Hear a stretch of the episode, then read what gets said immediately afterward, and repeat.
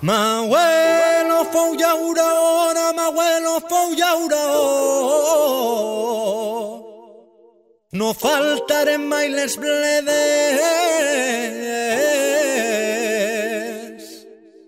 I ara que ja sóc padrí, que vull ser llaurador. I asfalt damunt d'eixes terres. Passa el temps, roda la cadena, ara asfalt on hi havia terra, operaris, actors secundaris d'esta brama... Va de vie, un programme sobre tot que envolta el binatural, de la mà de Jérôme Chénaud. A tots es donen faena i jo tenia el meu camp, ja no treballa la terra, ens venen prosperitat. prometen Bon ser dia, la vida. bona vespre a tots i totes, benvingut a aquest nou episodi de Va de vie, una crònica de Radio Pego dedicada al bin natural. Avui parlem de l'agricultura biodinàmica, un tema bastant polèmic. Amb la revolució industrial al segle XIX i principi del segle XX, el món va canviar i la humanitat amb ell. Tots els nostres productes de consum van ser mecanitzats, normalitzats i estandarditzats per al nostre millor benefici. En qualitat de producció, en seguretat alimentària, en economia de matèries i d'energia, al final hem millorat considerablement el nostre confort de vida. Però sempre hi ha un però en les bonisques històries. All màgic com a price. Allà on hi ha la màgia hi un preu. Aquesta revolució ens ha fet perdre la poesia i les emocions que ens acompanyaven en què produïm en les nostres mans des del començament de la humanitat. Els tallers d'artesans, les finques dels llauradors han canviat per llocs confinats i higiènics gestionats per científics amb bates blanques, un pragmatisme i una precisió imparables.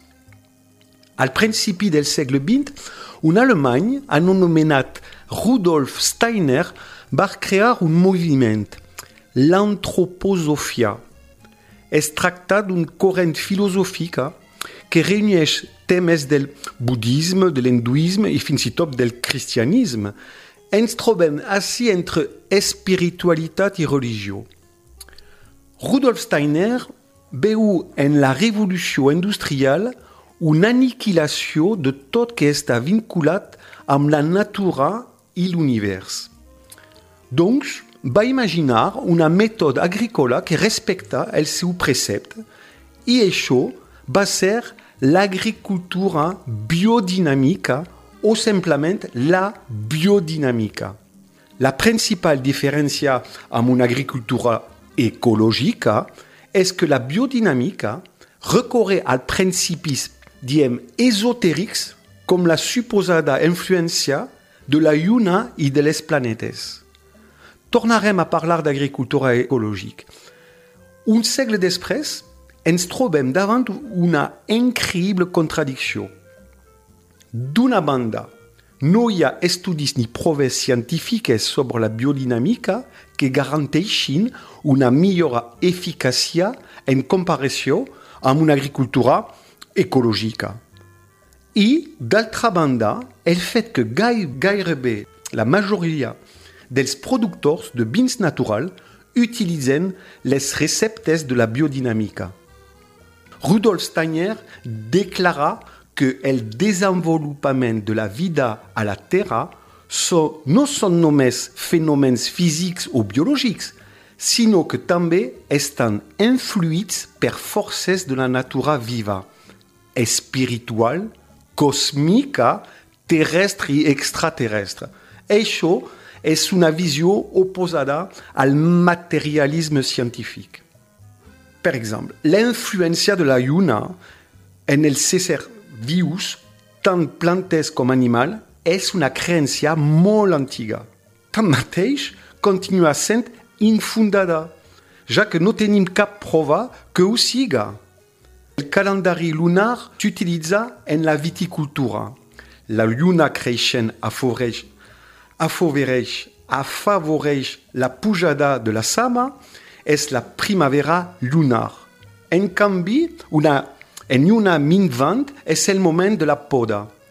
Tots els agricultors i viticultors que conec utilitzen aquest calendari. Millor encara, fan servir l'astrologia. Us jure, a vegades que em costa un poquet defensar aquest moviment. En les seves conferències, Rudolf Steiner presenta preparacions destinades a millorar la qualitat de la fertilizació a partir d'elements que considera com essencials. Aquests elements són la silice, el calci, el potassi, el fòsfor, el sodi, el nitrogen, l'hidrogen, l'oxigène, el carboni i esdeveniment el sofre, un element tel qual parlarem sovint en les properes cròniques. Aquestes preparacions que podem considerar com homeopàtiques, numerades, numerades de la 500 a la 507, es pulveritzen sobre el sol i sobre els cultius i també s'empren en de compost. La preparació 500 és probablement la més coneguda. S'obté a partir de fems de vaca que roman sis mesos a l'hivern en banyes de vaca soterrades en el sol. Tot això pot semblar boget, però cal precisar que aquestes preparacions estan estandarditzades a nivell europeu. També s'empren plantes medicinals com la valeriana o la cua de cavall, que s'utilitzen en forma d'infusions, decoccions o purins. Alguns dels nostres oients estaran decebuts perquè això no és una agricultura vegana. També s'empren òrgans d'animals en les preparacions, eh, veixiga, intestins i crani d'animals domèstics. L'organització que regula i certifica l'agricultura bionòmica es diu Demeter i és present a tot el món. Ara escoltem el testimoni d'Anskari, un tècnic agrícola que va estudiar la biodinàmica en 2001. Hola, amics i amigues de Badevi. Com molt bé comenta Jerome, Rudolf Steiner va ser una persona que va crear un mètode d'agricultura, a més d'una escola de coneixement, per a solucionar els problemes que tenien els llauraors i les llauraores en, en el nord d'Alemanya. Aleshores, és un mètode que funciona molt bé quan se donen les mateixes condicions que existien per a on es va crear, perquè aporta moltes solucions en latituds on, per exemple, n'hi ha molta humitat, per exemple, n'hi ha un gran contrast de luminositat entre l'estiu i l'hivern, n'hi ha un gran contrast de temperatura i, a més, n'hi ha molta pluviometria. Això és un concepte molt important per entendre que el mètode biodinàmic li fa falta que la terra tinga una quantitat d'humus més gran que d'argila. Per tant, eh, és el gran cavall de batalla que tenim així en les terres mediterrànies, perquè així la, la estructura física i química de, del tarró, dels sols dels viticultors o dels llauraors pues és completament diferent als sols d'Alemanya.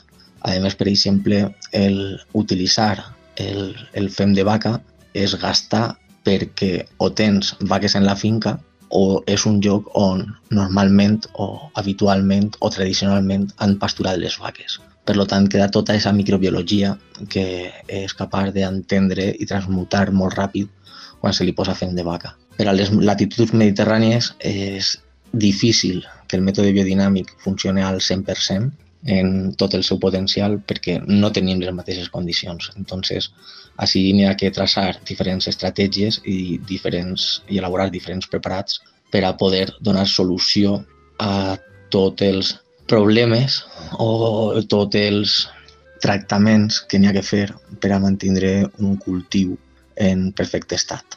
Per exemple, pues, un, un agricultor biodinàmic de secà, de, de vinya, d'oliva, d'almeler, de garrofa, pot tindre millors resultats que un llaurador d'horta o, o, de, o de frutes tropicals perquè la intensitat que requereix els, els tractaments per aconseguir produccions pues, eh, li fa falta no, una, adaptació, una adaptació local.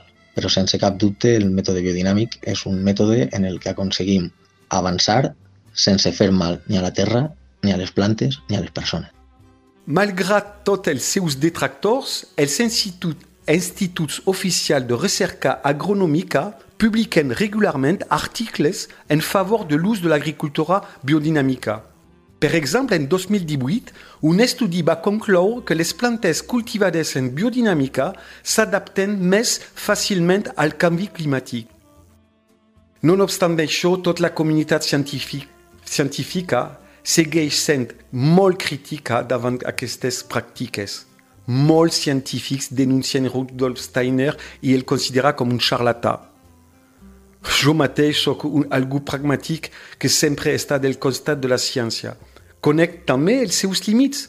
Millor dir, el seu lent progrés, perquè no hi ha lloc per les aproximacions.